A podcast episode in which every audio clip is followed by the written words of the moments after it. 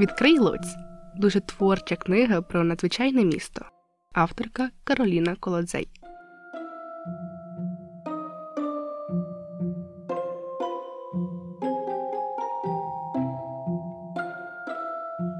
Сто років тому в лодзі з її домарями фабрик було більше, ніж квіть в садочку у мами. Десятиліттями символом лодзя були високі червоні димарі та величезні фабричні вежі. Саме тому Юліан Тові, відомий польський поет, назвав своє рідне місто Коміногород, тобто містом димарів.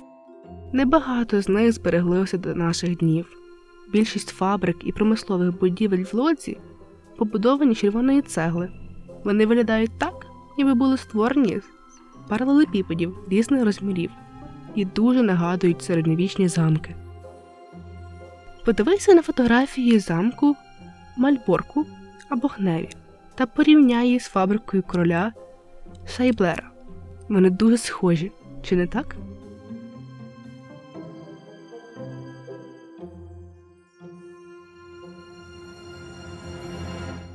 Але не всі фабрики в Лодзі червоні. Одна з найвідоміших має білий колір, оскільки її обштукатурили. Йдеться про білу фабрику, яку створив Людвік Геєр, яка більше схожа на дворянську резиденцію, ніж на текстильну фабрику. У 19 столітті біла фабрика вважалася зразковим підприємництвом. Тут були присутні всі етапи текстильного виробництва: прядильний, ткацький, друкарський, фарбувальний та оздоблювальний цехи. Неважко здогадатися, що робилося в кожному з них. Петраковська 282 це дуже важлива адреса. Адже саме тут, у 1839 році, була введена в експлуатацію перша в лоці парова машина. Розпочатий таким чином процес механізації, тобто перехід від виробництва лоцьких рук до машинного виробництва, привів до розквіту міста за дуже короткий час. Приклад Геєра наслідували інші виробники. Найбільшим і одним із найзаслуженіших промисловців в місті був король Шайблер, власник величезних територій, розташованих неподалік від парку Грудліска.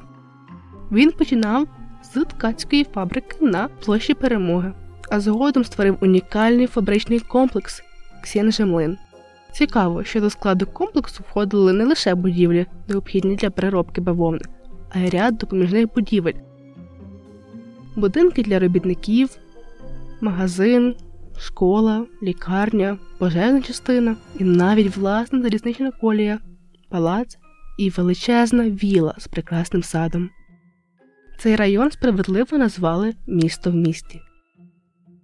Стань маленьким дослідником лодзі. Якщо хочеш побачити, який довгий шлях мала поконати бавовна до того, як з неї виготовили тканину. Відшукай будинок за адресою Петрковська 137-139 і стань перед палацом Юліаша Кінтермана. На самому верху фасаду знайдеш цікаву мозаїку з 1909 року. Найкраще її можна розгледіти з іншого боку вулиці. Ця мозаїка складається з півмільйона кольорових і позолочених квадратних скляних плиток, які разом створюють картину торгівлі бавовною. Легко знайдеш тут купців і моряків, які привозили сировину до Європи. Ця декорація підказує нам, чим займався власник палацу Юлія Шкіндерман. Володів фабрикою бавовняних виробів. На сусідній ділянці у 2010 році збудовано будівлю суду. Її зовнішній вигляд і оздоблення нагадує палац промисловця.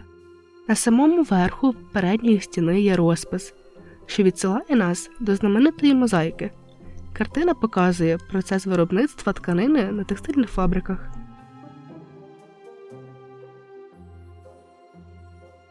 Книгу читала Мелішкевич Тамара. Та також посилання на pdf варіант книжки ви знайдете за посиланням нижче. В книжці ви зможете знайти чудові роздруківки та ігри для дітей, які допоможуть їм дізнатись місто краще.